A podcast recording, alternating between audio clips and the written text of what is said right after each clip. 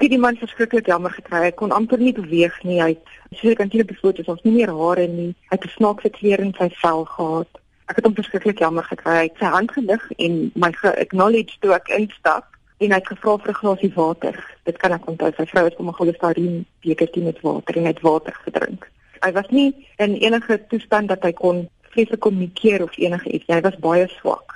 En sy vrou, het jy met haar gepraat? Ek het haar gegroet, sy het my gesê Marina of Mariana of iemand, ek kan nie onthou presies haar naam nie. Sy het my gegroet en gesê Natasha en dankie dat ek gekom het om die foto te kom neem en toe gesê ek gaan voort. Ek het seker 2 minute gekomer. Ek het ses foto's geneem. Hulle almal lyk omtrent dieselfde, net verskillende grade van zoom.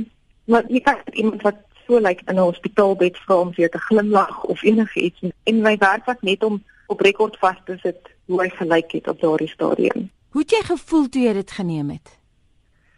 So 'n bietjie senuweeagtig. Nee, dit is nie 'n lekker ding om te doen nie. Dit was nie 'n mooi prentjie nie. Ek wil amper sê uh dit was 'n groot taak om so iets gevra te word en mens besef dit eintlik eers nou na die tyd. Maar ja, ek was 'n bietjie senuweeagtig, maar hart bietjie vinniger geklop as normaalweg. Ek het gedink ek moet doen en ek is weer uit. Ons is die aand na 'n pub quiz toe. Dit is wat ek doen in Engeland. En ons het gesit en gesels en dit besig met een van hierdie pub quizzes. Toe draai my vriend na my en sê vir my, "Natasha, dit is nie jou foto nie."